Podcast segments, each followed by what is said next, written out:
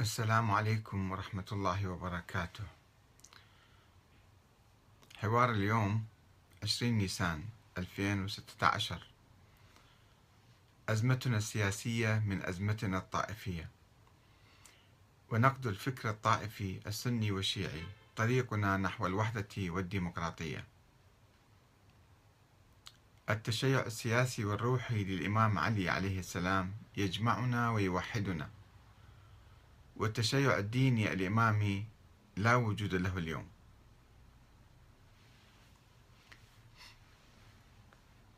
هذا موضوع اليوم موضوع حوار اليوم ونأمل من الأخوة إبداء آرائهم وتعليقاتهم بعد قليل. في تمام الساعة الثامنة بتوقيت لندن العاشرة بتوقيت بغداد سوف نبدأ الحديث. نرجو من الأخوة متابعتنا ومشاركتنا في الحوار وإبداء آرائهم في الموضوع.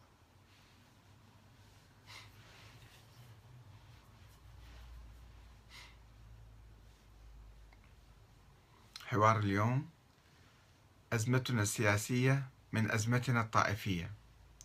ونقد الفكر الطائفي السني والشيعي طريقنا نحو الوحدة والديمقراطية. التشيع السياسي والروحي للإمام علي يجمعنا ويوحدنا والتشيع الديني الإمامي لا وجود له اليوم.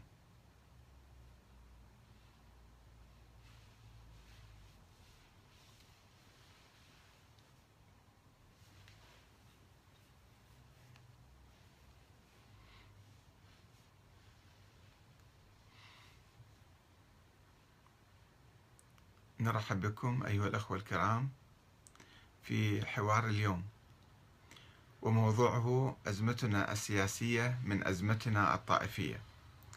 نقد الفكر الطائفي السني والشيعي طريقنا نحو الوحدة والديمقراطية.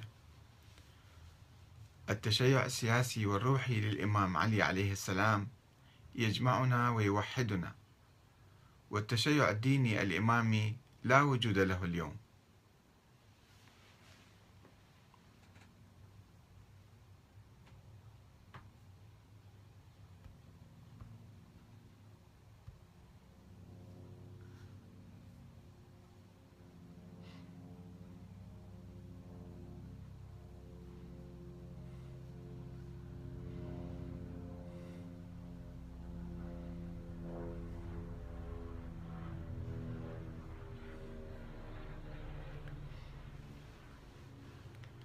التشيع للإمام علي يجمعنا ويوحدنا ولكن ما هي طبيعة التشيع في الزمن الأول؟ هل كان سياسيا أم روحيا دينيا؟ وأيهما الأقدم؟ بينما يقول الشيعة الإمامية أن التشيع الأول كان دينيا بسبب وصية الرسول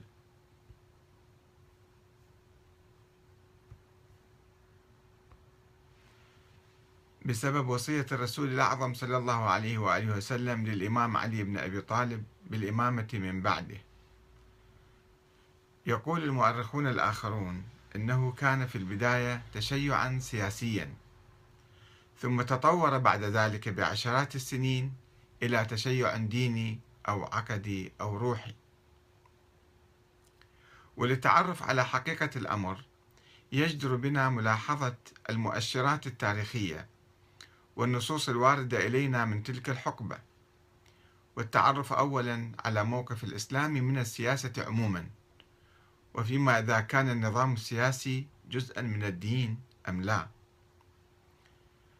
أن الرسول الأكرم محمد صلى الله عليه وآله وسلم لم يكن بصدد تغيير الأنظمة السياسية القائمة وبناء دولة جديدة بقدر ما كان يهتم بنشر الدعوة الإسلامية. ولذلك لم يضع دستورا للحكم من بعده ولم يتحدث عن أسلوب تداول السلطة وطريقة انتخاب الحاكم أو صلاحياته.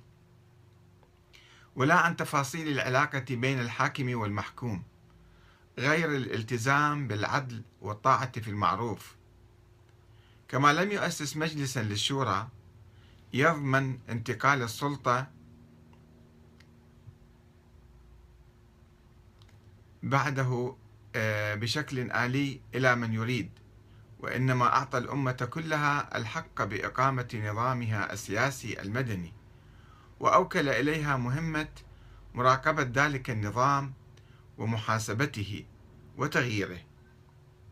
ومن هنا لم يترك النبي محمد صلى الله عليه وآله وسلم بعده حكومة دينية مشابهة للحكومات اليهودية القديمة التي كان يقودها الكهنة والأحبار أو مشابهة للحكومات المسيحية التي كان يقودها القياصرة بدعم من بابوات الكنيسة في العصور الوسطى.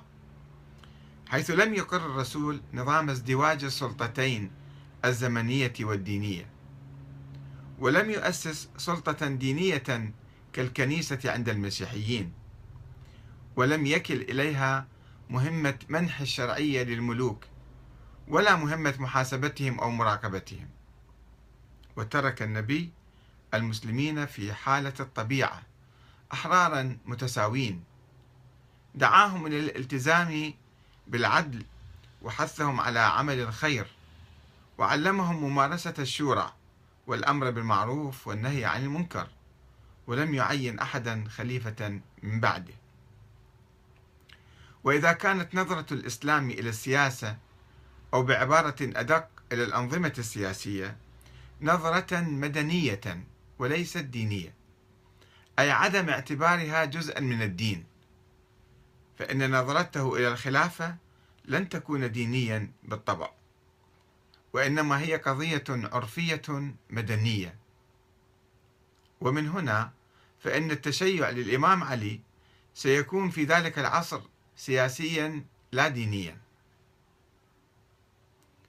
ومما يؤكد كون التشيع الأول ذا طبيعة سياسية وليس عقيدة دينية. هو تبني الإمام علي وأهل البيت وعموم الشيعة في القرن الهجري الأول لفكر الشورى.